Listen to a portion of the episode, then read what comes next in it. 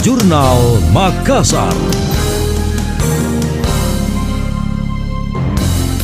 Saya Emil Faris dalam Jurnal Makassar. Vaksinasi COVID-19 bagi lansia di Provinsi Sulawesi Selatan telah melewati 60 persen. Hal itu berdasarkan data dari Komisi Penanganan COVID-19 dan Pemulihan Ekonomi Nasional KPCPEN tertanggal 24 Januari 2022. Secara total, cakupan vaksinasi di Sulawesi Selatan telah mencapai 77 persen lebih atau sebanyak 5 juta lebih sasaran untuk dosis 1. Sedangkan vaksin dosis kedua telah menyasar 3 juta orang lebih atau hampir 50 persen. PLT Gubernur Sul Sulsel Andi Sudirman Sulaiman menyampaikan apresiasi atas capaian vaksinasi tersebut. Ia pun tidak hentinya meminta masyarakat untuk ikut dalam upaya menggenjot capaian vaksinasi di Sulsel. Sudirman juga bersyukur lantaran saat ini seluruh kabupaten kota di Sulsel mulai melakukan vaksinasi bagi anak usia 6 sampai 11 tahun.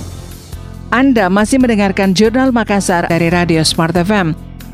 Sebanyak 773 lansia telah disuntik vaksin COVID-19 usai diajak petugas Satpol PP. Kepala Satpol PP Makassar Iqbal Asnan melaporkan angka itu telah melebihi target sebanyak 760 lansia atau progres 101,71 persen dari target. Capaian itu mencatatkan torehan pertama 100 persen setelah wali kota mengeluarkan kebijakan untuk mewajibkan masing-masing pegawai pemerintahan membawa lansia untuk divaksin. Sebelumnya vaksinasi lansia di kota Makassar Makassar dilaporkan masih rendah. Lansia merupakan target utama lantaran menjadi kalangan paling rentan. Dari data yang dihimpun, capaiannya baru 48,35 persen atau 48.975 dari target kota 101.284 orang.